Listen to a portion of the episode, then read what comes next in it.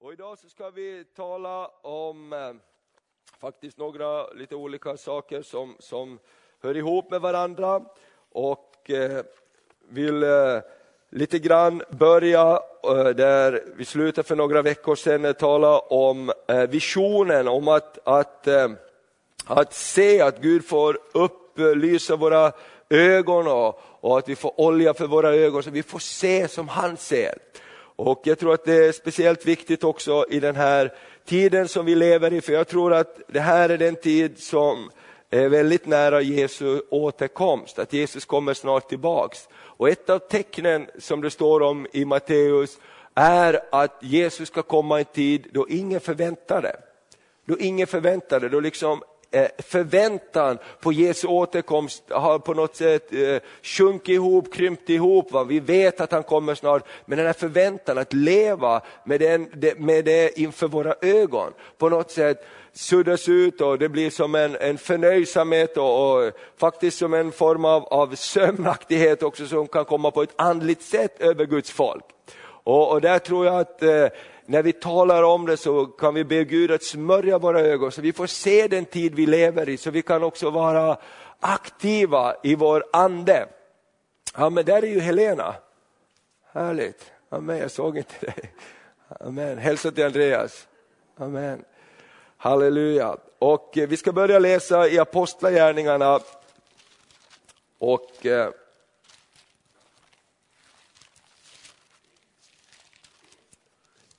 eh, Apostlagärningarna, det tredje kapitlet och eh, ska vi läsa ifrån vers eh, eh 15 här. Det är om Petrus, pingstpredikan, han predikade här, den helige ande faller över dem och, och de går ut frimodigt och predikar evangeliet och, och, så många människor blir frälsta och den helige ande kommer över dem, de döper människor och så predikar han här. Och så står det så här, livets första dräpte ni, dödade ni, men honom har Gud uppväckt från de döda, det är vi vittnen till. Och genom tron på hans namn Eh, har det namnet gett styrka åt denne man som ni ser och känner. Tron som det namnet skänker har gett honom full hälsa, som ni alla ser. Nu vet jag bröder att varken ni eller era rådsherrar visste vad ni gjorde, men Gud har på det här sättet låtit det gå i uppfyllelse som han har förutsagt genom alla sina profeter att hans Messias skulle lida. Ångra er därför och vänd om så att era synder blir utplånade och på att tider av vederkvickelse kommer från Herrens ansikte och att han sänder Messias som är bestämd för er, nämligen Jesus. Honom måste himlen ta emot eller behålla tills de tider kommer då allt det blir återupprättat som Gud har förkunnat genom sina heliga profeters mun från urminnes tid. Här står det om att Jesus ska komma tillbaks i en tid då Gud ska upprätta det han sagt genom sitt profetiska ord. Därför är allt som vi ser hända idag runt omkring oss i världen, när du tittar på nyheterna, när du läser eh, tidningarna, följer med vad som händer, så är ingenting liksom utanför det Gud vet om. Utan det här är precis det som Bibeln säger att ska hända innan Jesus ska komma tillbaks. Som det står i vers 20 här. Eh, hela vers 21. Honom måste himlen ta emot, en annan översättning behålla, tills tider kommer då allt det blir återupprättat som Gud har förkunnat genom sina heliga profeters mun från urminnes tid. Och vi vet till exempel ifrån eh, Matteus 24 där det står, eh, så Jesus undervisar om, om sin återkomst, att eh, han ska komma igen därför att det är hans lärjungar som eh, ställer den frågan. I Matteus, det 24 kapitlet, så står det att eh, de gick ut på Oljeberget och eh, det här är ju inte alls i tid så långt innan det vi läste i Apostlagärningarna därför att Jesus visar sig här för eh, eh, prata med lärjungarna, sen bara några kapitel efter så är det påsken, han fängslas, han dör på korset. Och sen 50 dagar efter det att eh, påsken så är det pingst och den helige ande faller och, och apostlarna går ut och predikar det här som vi läste just i apostlagärningarna. Så det här är kanske bara två månader innan så sitter Jesus och pratar med sina lärjungar om det här som ska hända när, när, när, när, när, när den här tidsåldern ska ta slut och, och eh, eh han ska komma tillbaks. Och så står det så här från vers 3. När Jesus sedan satt på Oljeberget och lärjungarna var ensamma med honom, gick de fram till honom och frågade, säg oss, när ska detta ske och vad blir tidstecknet för din återkomst och den här tidsålderns slut? Jesus svarade dem, se till att ingen bedrar er. Ty många ska komma i mitt namn och säga, jag är Messias. Och det ska leda många vilse. Så det här var den första grejen, se till att ingen bedrar er. Och så står det, ni ska höra krig, stridslarm, rykten om krig. Se då till att ni inte blir skrämda, ty detta måste hända, men därmed har slutet ännu inte kommit. Folk ska resa sig mot folk, rike mot rike och det ska bli hungersnöd, jordbävningar på den ena efter den andra platsen. Men allt detta är bara början på födslå våndorna. Då ska man utelämna er att misshandlas och dödas och ni kommer att bli hatade av alla folk för mitt namns skull. Och då ska många komma på fall och det ska förråda varandra och hata varandra. Många falska profeter ska träda fram och bedra många. Och eftersom laglösheten tilltar kommer kärleken att svalna hos de flesta. Men den som håller ut till slutet ska bli frälst. Och detta evangelium om riket ska predikas i hela världen till ett vittnesbörd för alla folk och sedan ska slutet komma.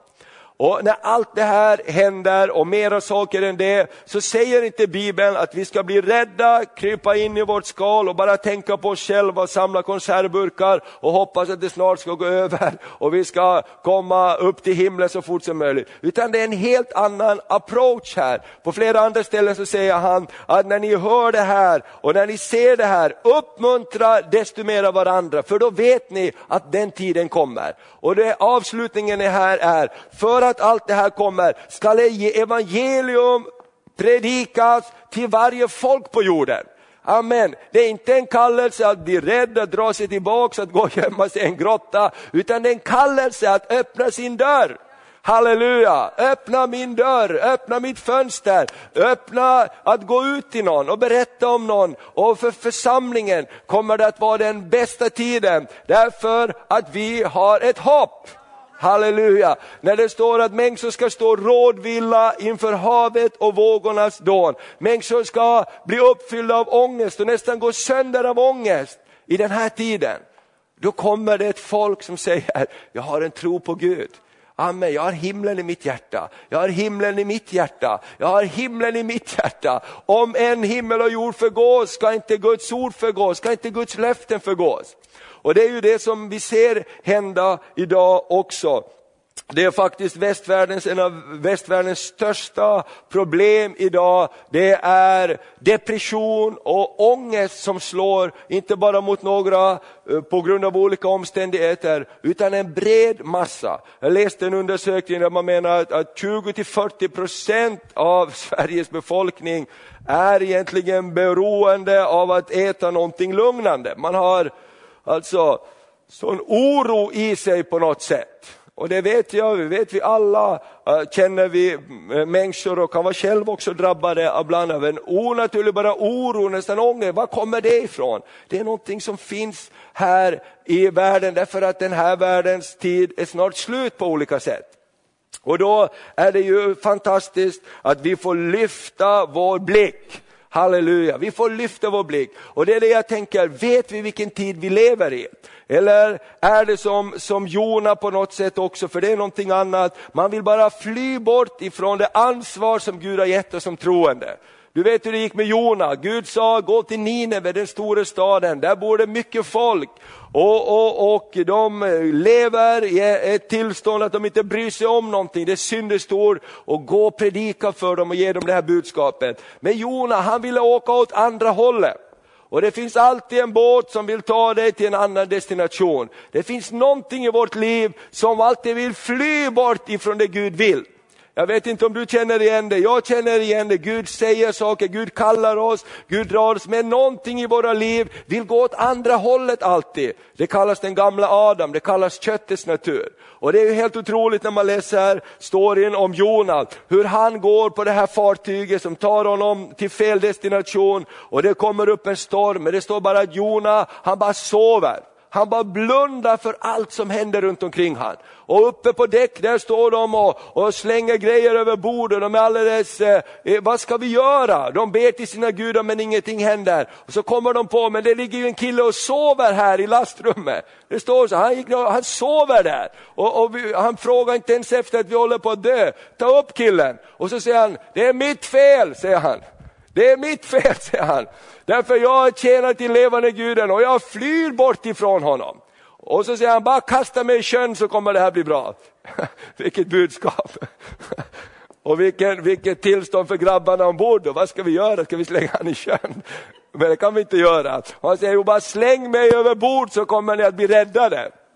Och vi vet storyn, hur de slängde han över bord och så kommer ju eh, Gud och sänder den här stora fisken som eh, slukar upp Jona och så eh, är Jona där i fiskens buk och, och, och tills han blir mjuk och mör. Det blir man efter ett tag där, där inne. Hur många rensar en fisk någon gång. Jag fattar inte att det stod ut i tre dagar. Men det står att E- efter ett tag så började han ångra sig och han började eh, be till Gud och lova Gud och prisa Gud där i fiskens buk och, och, och, och, och så, så gav Gud en befallning till fisken och fisken spottade upp Jona på land där och han kravlade upp sig och fick väl ta sig en dusch antar jag eller någonting liknande och så började han gå till den stora staden och göra det Gud hade kallat honom att göra. Och jag tänker just det här i ett av tecknen alltså, som Jesus säger också, ni ska inte få något annat tecken än Jonas tecken. Och det är också det här att på något sätt så kom det någonting över Jona, att han inte brydde sig om någonting annat än sig själv. Och, och, det tror jag är någonting, och han fick ett väldigt bryskt uppvaknande ur sin liksom, drömvärld. Men där tror jag Gud vill hjälpa oss att öppna våra ögon, ge salva för våra ögon så vi får se vilken tid vi lever i. Och så står det lite längre fram här i Matteus 24. Matteus 24 är ett sånt här kungskapitel lite grann i Nya Testamentet när det gäller om Jesu återkomst. Gamla testamentet har vi också flera, speciellt Daniels bok är fylld av många sådana profetior och så har vi ju Uppenbarelseboken också i Nya testamentet och talar mycket om det här. Så står det lite längre fram här i Matteus 24 ifrån vers 29. Strax efter de dagarnas, dagarnas nöd skall solen förmörkas och månen inte ge sig sken, stjärnorna ska falla från himlen och himlens krafter ska skakas. Då ska Människosonens tecken synas på himlen och jordens alla folk ska jämra sig. När de ser Människosonen komma på himmelens moln med stor makt och härlighet. Med starkt basunljus ska han sända ut sina änglar och de ska samla hans utvalda från de fyra väderstrecken, från himlens ena ända till den andra. Lär er av jämförelse med fikonträdet. Redan när kvisten blir mjuk och bladen spricker ut så vet ni att sommaren är nära. När ni ser allt detta hända så vet ni på samma sätt att han är nära dörren. Amen säger jag. Detta släkte ska inte dö förrän allt detta händer. Himmel och jord ska förgås, men mina ord ska aldrig förgås.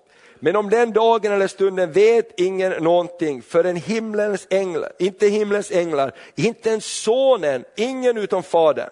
Så som det var i Noas dagar, så ska det vara vid Människosonens återkomst.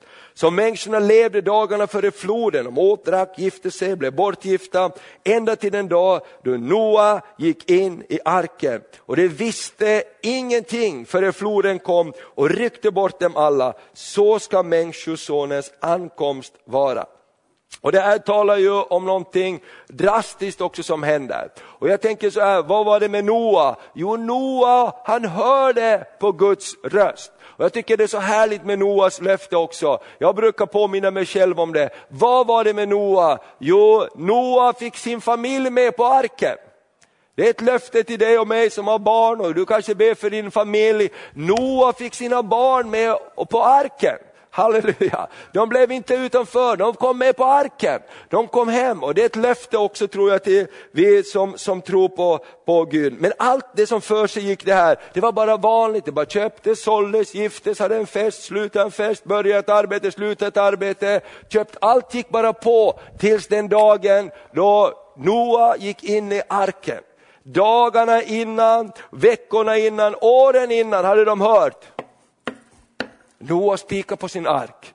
De hörde galningen Noa som stod och predikade, det kommer en dag då det, hela jorden kommer att dränkas i vatten. Det kommer en dag då den som inte är inne på den här arken kommer att förgås. Och de bara skrattade åt honom, bara gick förbi och de hörde Noa spika på sin ark dag efter dag. Idag så är det lite samma sak, människor hör evangeliet, människor vet om, men man blir som bedövad ibland. Till och med de andra som skulle borde ha vetat bättre på Noas tid, de brydde sig inte heller. Och därför tänker jag så här, det är så viktigt att Gud får öppna våra ögon så vi får se vilken tid vi lever i. För annars bryr vi oss inte, annars är vi bara som ingenting har hänt. Och som apostlagärningarna sa, Jesus kommer tillbaks när det som profeterna har sagt, det uppfylls för våra ögon. Fikonträdet som vi talade, läste om här som Jesus sa, se på fikonträdet, när kvisten börjar bli mjuk, bladen spricker ut, då vet ni att sommaren är nära. På ett annat ställe står det också om, om eh, lite mer om det här. Och det här menar bibeltolkarna, det här är bilden, fikonträdet på Israel. Israel är kanske det starkaste tidens tecken som vi har. 1948 så blev Israel ett land igen på kartan. Efter att det judiska folket 70 efter Kristus blev förskingrat till alla jordens hörn så kallar Gud dem samman genom hemska saker som hände i andra världskriget och så. Men de kom tillsammans, de fick ett eget land. Amen. Fikonträdet börjar blomstra, de andra eh, grenarna börjar knoppa sig. Vi ser den här revolutionen som har hänt på de senaste 20 åren. Land efter land som har varit underkuvat har blivit fria. Någonting händer där. Nu har vi också den här eh, arabiska våren som händer. Alltså det händer någonting bland nationerna. Så det är ett område som Gud handlar med. Gud handlar med nationerna. Det är ett av tidens tecken på att Jesus kommer tillbaks. Ett annat av tidens tecken är också alla de här naturkatastroferna som vi ser hända runt omkring oss. Jordbävningar, översvämningar, olika typer av naturkatastrofer. Man menar att jordbävningarna ökar i antal. Jag har sett någon sån här grafisk kurva hur det blir fler och fler jordbävningar, tätare och tätare över jorden. Och det är som Bibeln säger, hela jorden är som i födsloverkar för att någonting ska hända. Och när man pratar om det här, jag vet inte varför man inte pratar så mycket om det, det är att man säger att folk blir rädda. Men det är inte det Jesus säger, att vi ska bli rädda, utan att vi ska tacka upp. För det kommer närmare den dagen då han ska komma tillbaks. Eller hur? Det kommer närmare förlossningens dag, glädjens dag. Och då är det ju frågan om, vad har vi för tro? För det är lite jobbiga grejer här också, att ni ska bli förföljda och människor ska ifrågasätta i tro och det ska bli tuffare klimat på ett sätt för den som tror. Och då blir det ju också en utmaning till oss, vad är min tro värd? Är min tro värd att förföljas eller bara slinker jag undan och säger, nej men jag vet inte om jag är troende. Eller är min tro på Jesus värd att få lite eh, spott och spe? Och det handlar ju om relationen. Därför att den man känner mera, den är man mera mån om. Alltså det blir ju dyrbarare, det är bara så faktiskt att min familj är ju dyrbarare än en familj på, på, på Grönland.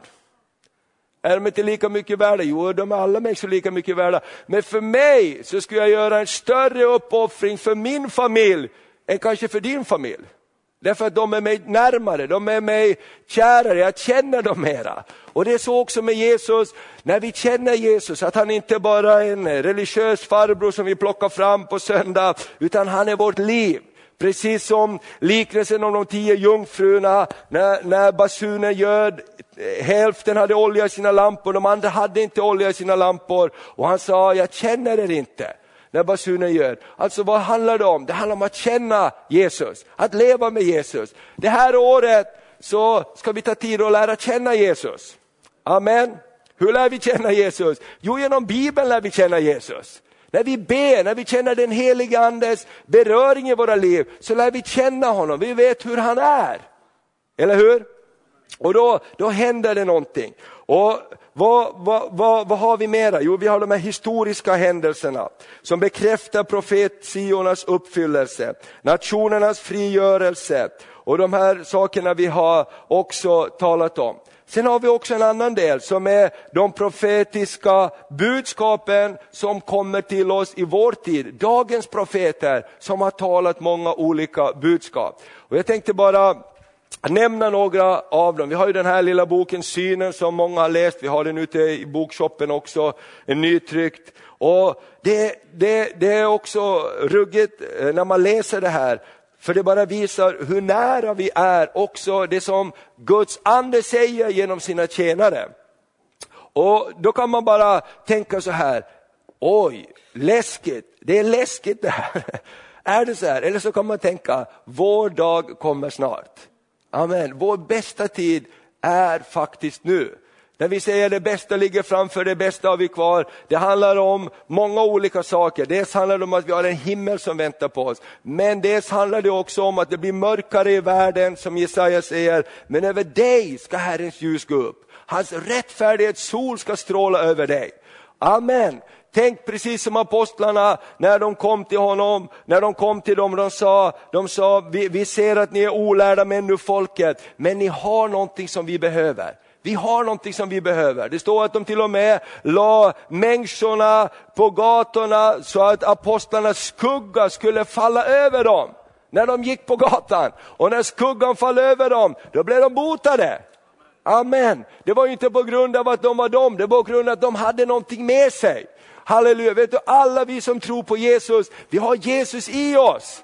Halleluja, och det beror inte så mycket på dig utan det beror på han som bor i dig. Och när vi sätter så här förväntan på det, precis jag tycker det var så bra som Roland läste om den änkan, hon visste att hon hade rätt. En liten änka, vet du, hon hade inte mycket att komma med och domaren bodde säkert i ett stort palats. Hon var så enträgen och bara gav sig inte. Hon bara bultade på den här dörren dag och natt. Och det står att jag orkar inte höra på det här längre. Står det. Jag orkar inte med den här änkan längre. Jag ger henne hennes rätt. Och tänk att det är precis på samma sätt. Hon visste hon hade någonting och du och jag vet också, vi bär på någonting. Vi bär på den levande guden, vi bär på den helige ande. Vi bär på Jesus som bor i våra hjärtan. Och det beror inte på att du är så bra. Detta beror på att han är så bra. Amen. Därför Bibeln säger att vi alla är i brist och vi alla felar och vi måste alla ha förlåtelse och omvända våra hjärtan dag efter dag. Vi måste alla komma till honom. Den som säger att jag är utan synd, står det, han är den största syndaren. Så vi måste säga Jesus, det är inte på grund av att jag är så bra, utan på grund av att du är så bra. Och jag tror på dig som bor i mig. Amen. Och vi har någonting där. Tänkte bara på de här när det gäller det som händer runt omkring oss av jordbävningar. Jag, tycker, jag läste bara det här, jag tyckte det var så otroligt. Och jag läste lite grann för ungdomarna här på ungdomskonferensen om det här också. Bara när det gäller, det står eh, hans profetier här från 70-talet, tror jag den här boken. Han är död nu, eh, David Wilkerson, men han eh, förmedlar den här och den skakar om och det, det är lite kul att titta på vad händer med de profetiska orden när tiden går? För när man talar det så verkar det ju ofta väldigt eh, så här stort och hur vet man det? Men när tiden går då märker man ju, gick det här ordet i uppfyllelse? Och det här står bland annat om drastiska väderförändringar och jordbävningar. Eh, drastiska förändringar i väderleken som slår alla rekord äger rum runt om i världen. En del experter tror att detta orsakas av vulkanisk aska efter utbrott på Island som nu förs vidare av jetströmmar i troposfären. För min del tror jag att en del av förklaringen kan ligga där i. I gångna århundradena har värmen varit, eh, världen varit vittne till ödeläggning, ödeläggande jordbävningar, värmeböljor med stora antals dödsfall som följd, fruktansvärda översvämningar och alla slags av bisarra förändringar i väderleken. Men sedan har allt återgått till det normala. Men i min syn så såg jag mycket litet av det övernaturliga inslag i de drastiska förändringarna vi sett hittills. Men jag ser också mycket tydligt ett gudomligt ingripande äga rum över hela världen. Det är bäst att världen förbereder sig för väderförändringar som inte kan förklaras med andra termer än övernaturliga. Världen ska snart se begynnelsen till födslovåndorna genom historiens mest drastiska väderförändringar, jordbävningar, fruktansvärda naturkatastrofer som vida överträffar allt annat skådat. Och det här tror jag är precis det också som vi ser mer och mer hända med stora översvämningar och, och jordbävningar som äger rum och väderförändringar. Det har väl ingen undkommit debatten om varför blir det varmare på jorden. Och man säger det ena och det andra och det kan vara både det ena och det andra. Men någonting händer med väderleken. Jag vet inte hur mycket i fjol väderleken var plus i, i Västernorrland och Sverige var det en eller två grader jämfört med en väldigt lång jämförelse, var 2011 bara varmare. Men så står det så här, in, in, inom en icke alltför avlägsen framtid så kommer USA att uppleva historiens mest tragiska jordskalv. En dag kommer denna nation att vackla under trycket av den största nyhet i hela den moderna historien. Och det blir stora nyhetsreportage om den största och mest katastrofala jordbävningen i historien. Och det, det är lite uh, skarpa ord, men det som tycker jag är anmärkningsvärt här är också så att säga, ett annat jordskalv, möjligen i Japan, kommer att föregå det jag ser drabba oss. Och bara 2011 hade vi det här stora jordskalvet i Japan som det har blivit så märkligt tyst om. Och mest troligt så har de inte fått ordning på det här utan en härdsmälta som mest troligt för sig går fortfarande. Tänk vilken jordbävning det var. Och nu är det bara tyst i alla, alla, alla tidningar om det här. Är allt bra nu då? Jag tror inte riktigt allt har blivit bra ännu, men någonting vill bedöva och ge oss någonting nytt. Ge oss en ny melodifestival, ge oss ett ny Fångarna på fort eller någonting så vi kan liksom fylla oss med någonting annat spännande. Och så glömmer vi de där sakerna. Men bara i den här, på den här sidan jag läste just nu så nämndes både Island, det var inte så länge sedan askmolnen kom. Jag själv kommer ihåg det bra för jag fick åka buss ifrån Bratislava 24 timmar hem aldrig åkt buss med så många grabbar med slips och kavaj som då. Hela bussen var packad, det var färskt, men ingen kom hem. Bara satt där i sina svarta kostymer och slipsar och ja, man gjorde vad man kunde. Va? Hela, hela, hela Europa var drabbat av det här askmolnet, det var inte så länge sedan. Och sen så talade han om eh, jordbävningen i Japan och, och, och sen också om en förekommande inför USA. Och de här sakerna är ju verkligen också tidens tecken, precis som Jesus talade om och vi kan läsa om att det ska för sig gå innan Jesus kommer tillbaks. Och vi har också det här som Jesus pratar om i, i, eller, eh, i, till Johannes i Uppenbarelseboken om, om ekonomiskt system som kommer att förändras. Ingen ska köpa eller sälja med mindre att kunna ta märket på sig och, eh, och, och eh, någon ska få ett världsherravälde för att ordna upp många saker. Och det är precis också vad vi ser hända. David Wilkerson säger i sin bok här också om det här. En världsvid ekonomisk förvirring ligger alldeles framför oss. Detta var vad jag tydligt, tydligast såg. Många bedjande människor har upplevt samma sak. Det är inte bara dollarn som kommer att möta stora svårigheter, utan också andra valutor. Jag ser en total ekonomisk förvirring. Först drabbar Europa, sedan, även, sedan påverkar Japan, USA, Kanada och kort därefter alla andra nationer. Det är egentligen inte en depression jag ser komma, utan en ekonomisk tillbakagång av sådan storlek att den kommer att inverka på nästan varje löntagares livsstil i hela världen. Länder som nu kontrollerar stora belopp av västerländsk valuta kommer också att möta stora problem. Arabländerna drabbas också.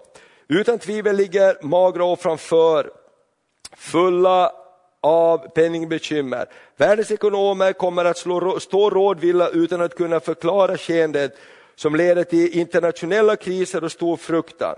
Ett falskt ekonomiskt uppsving kommer att föregå tillbakagången, men det blir kortlivat. Så står det ganska mycket mera om det här. Men jag tänker också, det är ju det vi ser runt omkring i hela Europa, alla de här ekonomiska programmen, miljarder och miljarder som man pumpar in. Och det tar David Wilkerson upp i sin bok också, man ska försöka få fart på ekonomin, men att det bara ska inte gå till slut sen då. Och det funderar, jag vet inte om du funderar på det, var kommer alla miljarders miljarder ifrån?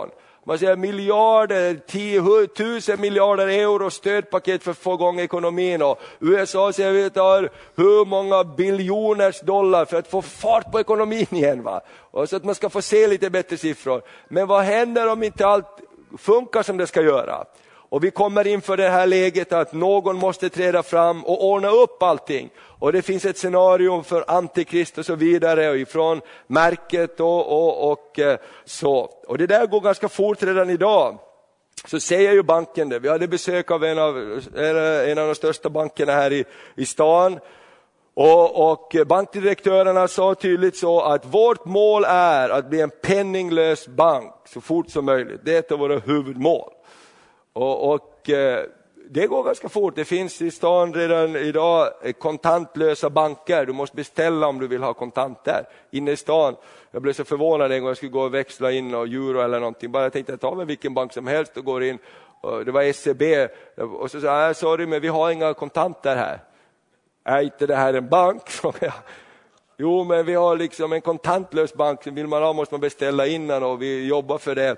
Plus och mer. Och då, då det är väldigt smart givetvis att inte behöva använda kontanter, en massa hantering kostar en massa och så vidare och så vidare och det är dålig säkerhet och så vidare. Och så kommer man bara att på olika sätt pressa fram de här sakerna. Och jag tänker så här att antingen blir man ju skraj och så börjar man måla en massa konspirationsteorier och liksom ja, bygga kojor ute i skogen och så här liksom att man ska klara sig och göra allt möjliga grejer. Men det kommer ju aldrig att funka i längden. Du vet ju inte aldrig hur, det, hur länge det kommer att gå. Du kan inte liksom ha en miljon konservburkar. Eller hur? Eller? Jag menar, man måste tro på Gud i allt det här. Att Gud har en plan med det här och Gud håller sin hand över sitt folk på något sätt. Och det finns alltid en väg. Och sen ger Gud oss förstånd att göra saker på olika sätt. Men i allt det här är ju slutkontentan. Detta evangeliet om riket ska få predikas i hela världen för ett vittnesbörd. Sedan ska änden komma. Och då tänker jag så här igen, vår attityd är antingen självisk, hur ska jag klara mig? Eller hur ska världen bli frälst? Amen. Tänk vi lever i den tiden, 2012, och man har alltid trott ända sedan Bibelns dagar att Jesus kommer snart tillbaka. Jag tror det är någonting som ligger medfött i oss, för att varje barn längtar hem. Därför finns det nedlagt i oss, vi vill hem till himlen. Men idag så lever vi i den tid när profeternas ord uppfylls mer och mer för våra ögon, mer än någonsin tidigare, så lever vi precis i den tiden. Och är det då så att vi bara drar oss tillbaka, somnar helst och tänker låt det här fort gå över och så vaknar jag upp i himlen och så är det bra. Eller får jag en förnyad vision ifrån himlen att det här är vår bästa tid. Amen, det här är vår bästa tid. Amen. När folk står rådlösa så finns det ett folk som säger, jag känner Gud. Som Daniel, jag känner Gud. Amen. Och det finns någonting där vi kan höra från Gud, ge det som Gud har gett oss. Sen så, så eh, ska jag läsa lite grann också ifrån den här Emanuel Minos bok, jag vet att den är slut i bokshoppen. Eh, tack plats, dörrarna stängs men det går att beställa. Där bland annat så finns det en profetia om, eh, från en 90-årig kvinna som gav den här profetian 1968 till Emanuel Minus. Och han tyckte, och hon sa att det här ska du tala om för församlingarna, för det här är viktigt innan, innan Jesus kommer tillbaka. Och han tyckte den här profetian var ju så spektakulär så han, ville, han, han sa det här, det här var lite överslag, så jag, han stoppade undan den i alla sina papper. Och sen då så, på, nu för ett antal år sedan när han började skriva den här boken, innan det så städade han sina papper så trillade den här profetian ut som den här kvinnan hade kommit med till honom. Och börjar läsa den och så säger han, det här är ju precis vad som har hänt. Och då börjar han lyfta upp den och, och tala om den igen.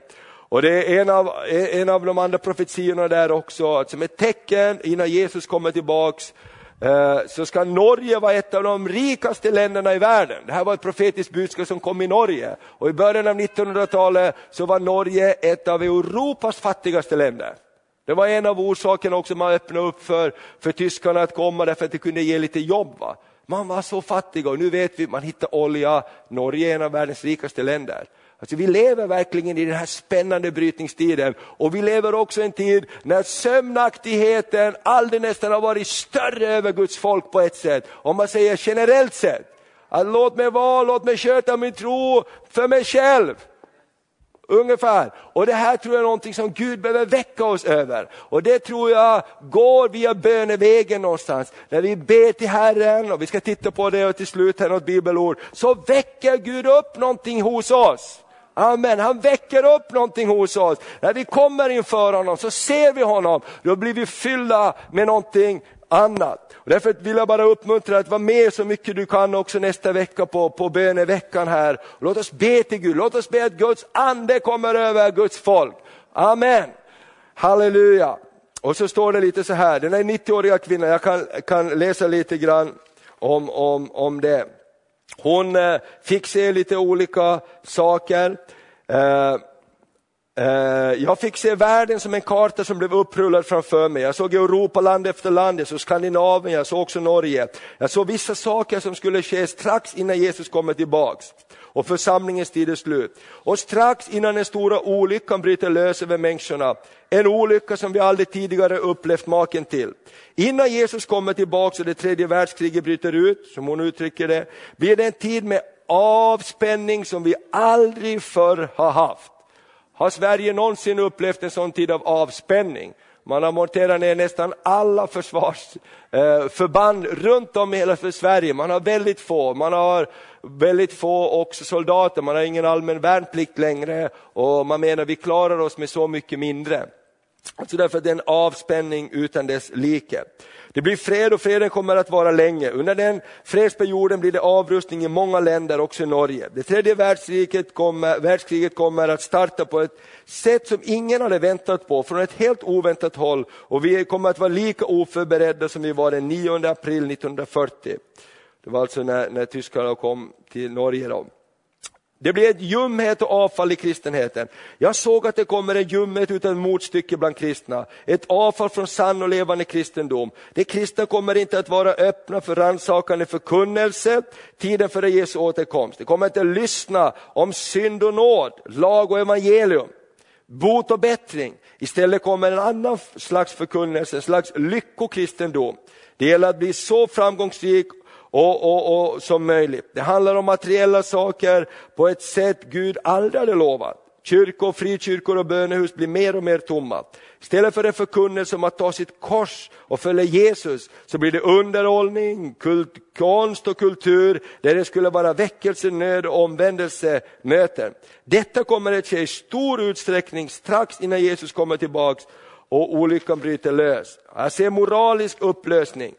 Och så kommer det, folk kommer att leva som gifta fast de inte är gifta.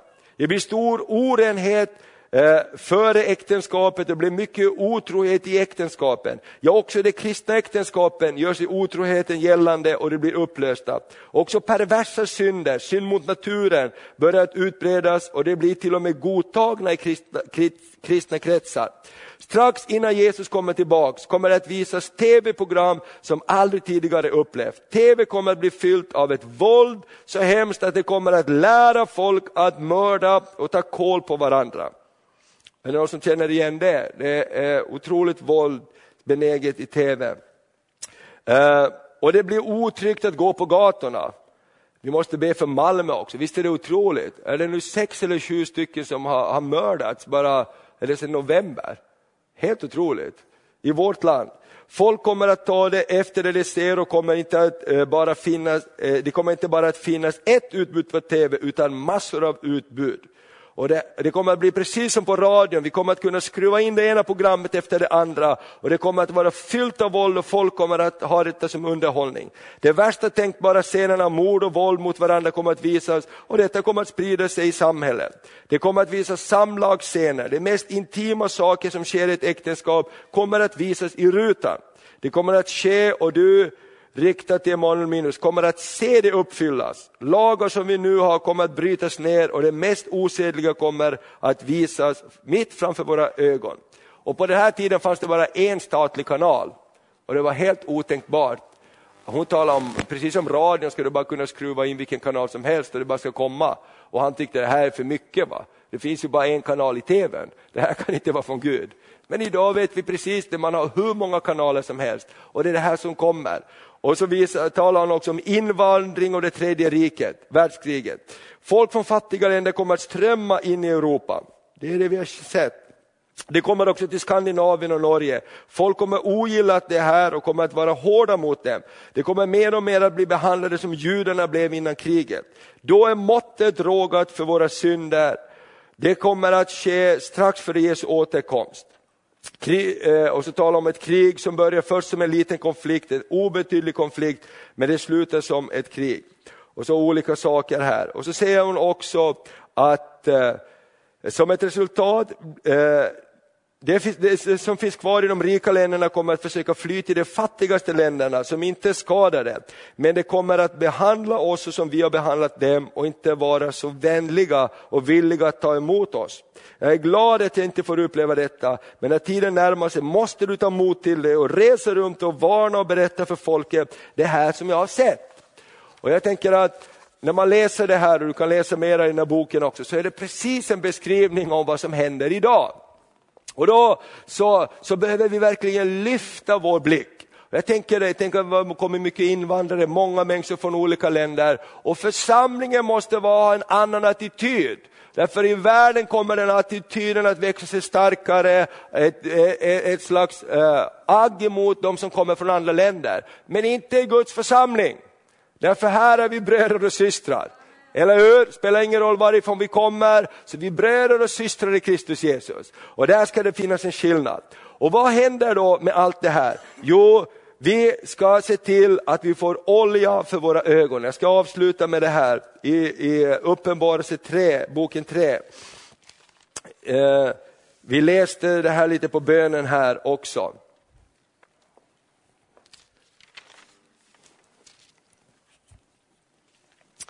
Amen.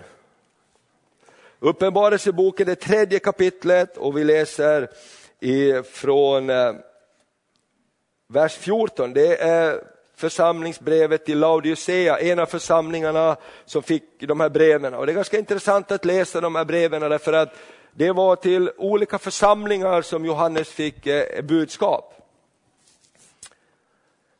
Amen. Och då står det så här, skriv till församlingens ängel i Laodicea, Uppenbarelseboken 3 och 14 och framåt. Så säger han som är Amen, det trovärdiga och sannfärdiga vittnet, upphovet till Guds skapelse. Jag känner dina gärningar, du är varken kall eller varm. Jag skulle önska att du vore kall eller varm.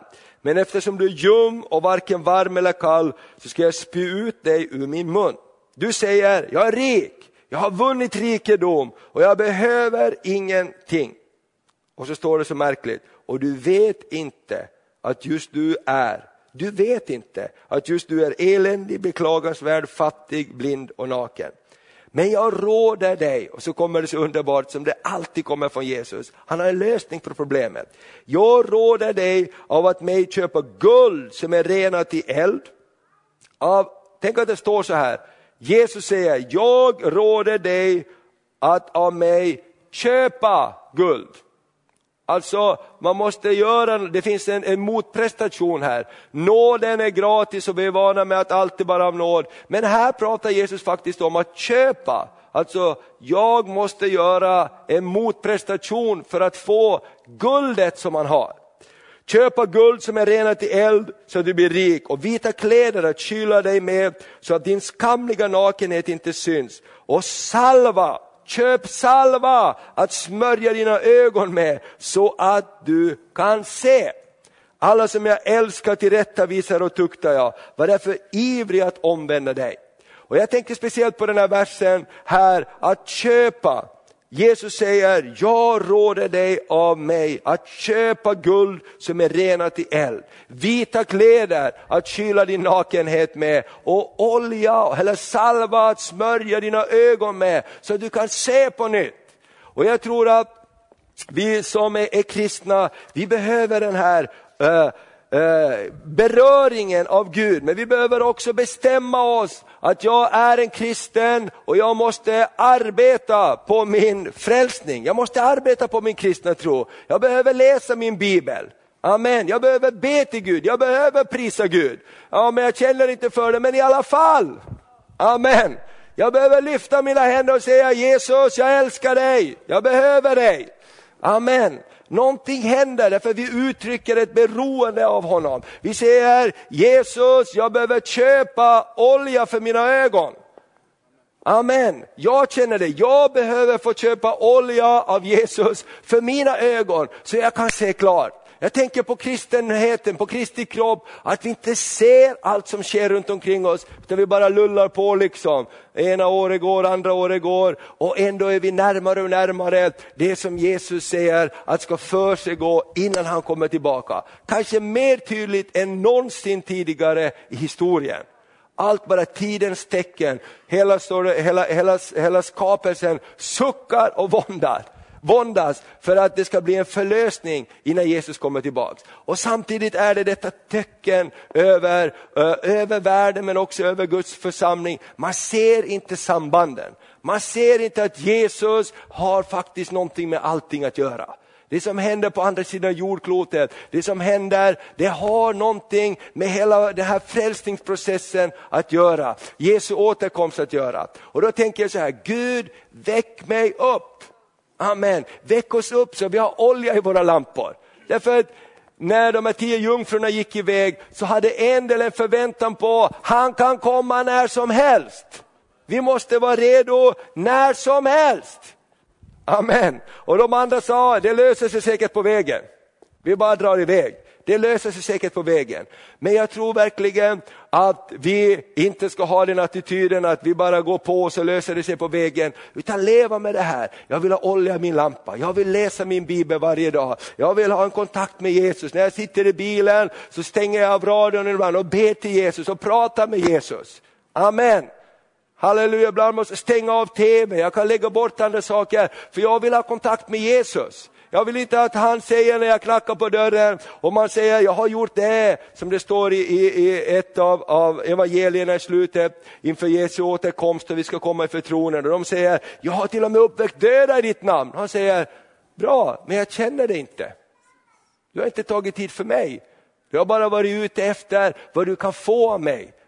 Och jag tänker det ibland, tänk att ibland så kan vi be och fasta och gråta över att få se Guds kraft Därför vi vill se Guds kraft i funktion och vi vill göra det. Men vi kanske inte är lika måna om att eh, be och fasta och gråta inför Gud för att lära känna honom. Hans ansikte, vem han är. Och det är ju ganska stor skillnad faktiskt. Och det är det jag tänker också, vad är viktigast av allt? Jo, att känna honom, känna honom som är läkaren, känna honom som är kraften. Istället för att söka bara kraften. Amen. Och det är ju väldigt viktigt därför att det är precis som med familj, ett äktenskap, man, man, om man inte är intresserad av personens väsen, vem du är, utan bara vad du har och vad du kan ge mig, så blir det ju väldigt torrt till slut. Det blir väldigt, eh, spelar som ingen roll. va. Och, och, och, därför tror jag att Herren kallar oss det här året 2012, ett extraordinärt år. Pastor Ulf fick ett sånt ord om det här året, ett extraordinärt år. Och jag tror att Gud kallar oss till honom mer och mer. Halleluja. Amen. Det finns en glädje i, i, i, i, den helige anden som bara bubblar upp på insidan av den som tror på honom. Amen. Halleluja! Och jag tänker så här, när tider av förföljelse kommer, när tider kommer att de eh, vill slänga oss i fängelse för vår tros skull, vad ska hända med oss då? Bryter vi ihop och samman och precis som om det är elavbrott någon dag. Här, ibland så blir det lite lustigt när det är elavbrott en dag så säger jag det är helt kaos i hela samhället. Det är helt kaos i hela samhället. Och så glömmer man att kanske bara 150 år sedan så hälften av befolkningen kanske inte hade någon el alls och det gick också. Men liksom allt är upp och det blir kaos direkt någonting förändras.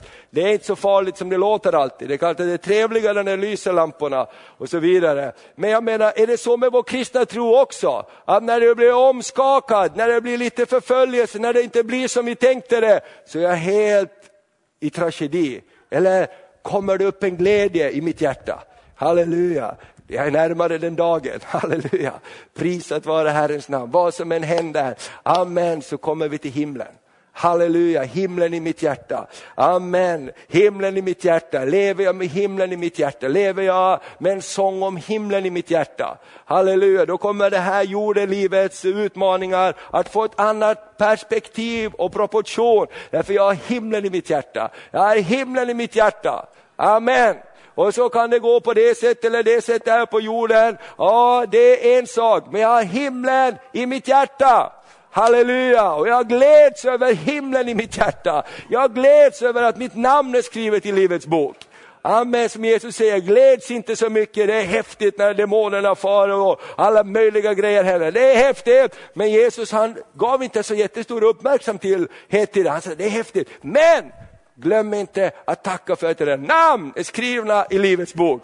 Det är häftigt! Halleluja, jag är förlåten, jag tillhör Jesus. Halleluja, korset omfamnar jag. Jag lever med korset i mitt hjärta, jag tar korset på mig varje dag. Påminner mig om, du är min frälsning, jag är inte min frälsning, du är min frälsare. Halleluja, prisat vare Herrens namn. Och när han är min sång och min glädje, han är min frälsning, då kommer det att komma ut också på ett naturligt sätt. Så det här året så tror jag att Herren vill eh, att vi ska jobba med det här och tänka på det här.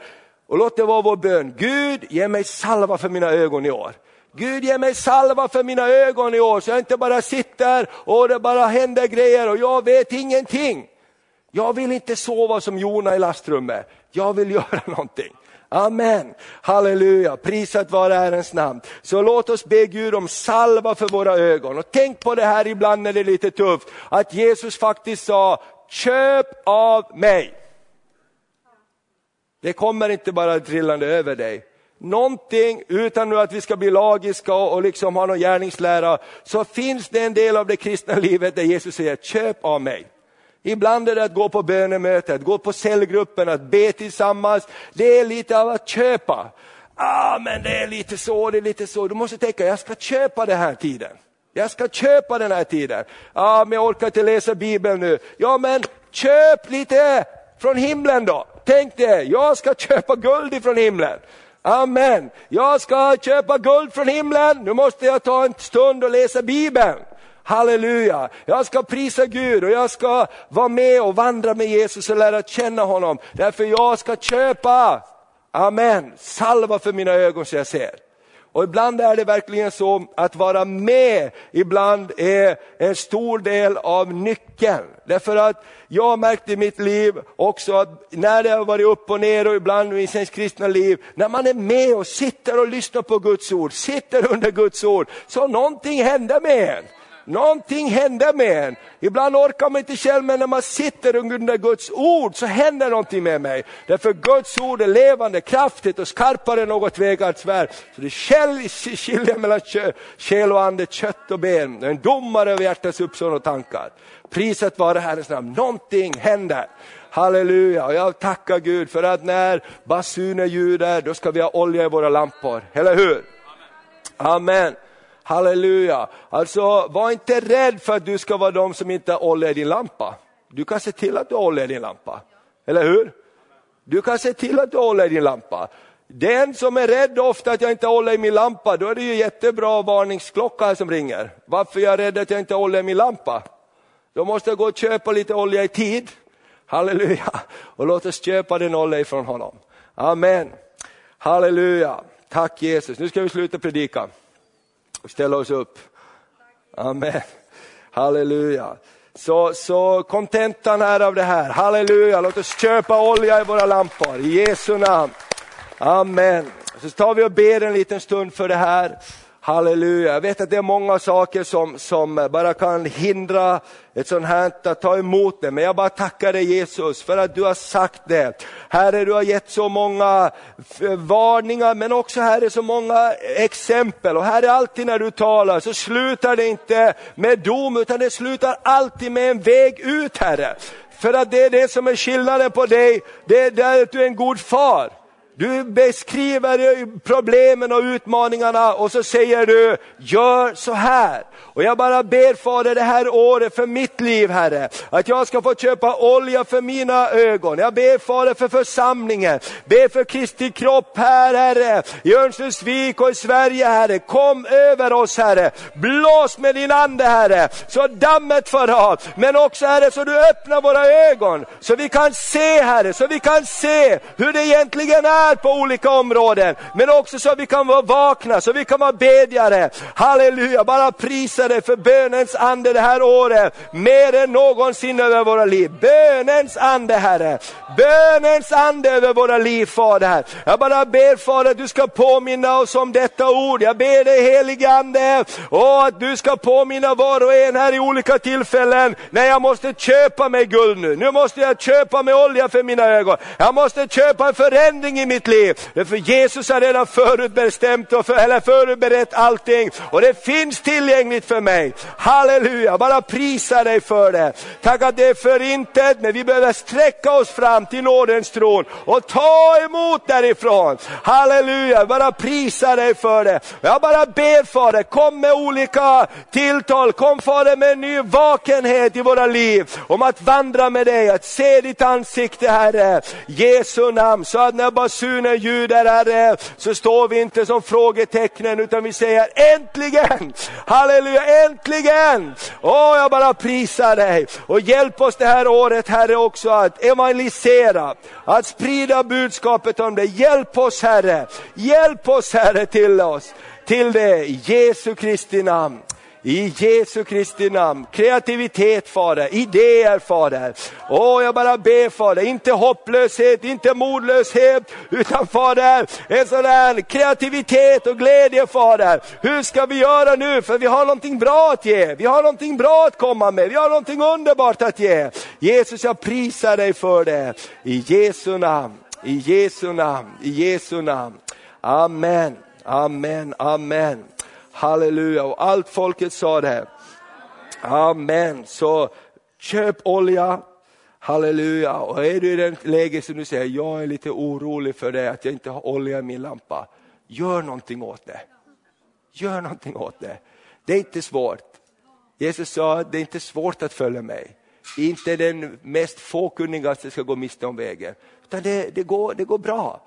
Men vi måste ta tag i det och göra det och hjälpa varandra, uppmuntra varandra till tro och goda gärningar. Halleluja! Det bästa ligger framför, det bästa har vi kvar. Kan du säga det till någon? Amen. Amen. Halleluja. Tack Jesus.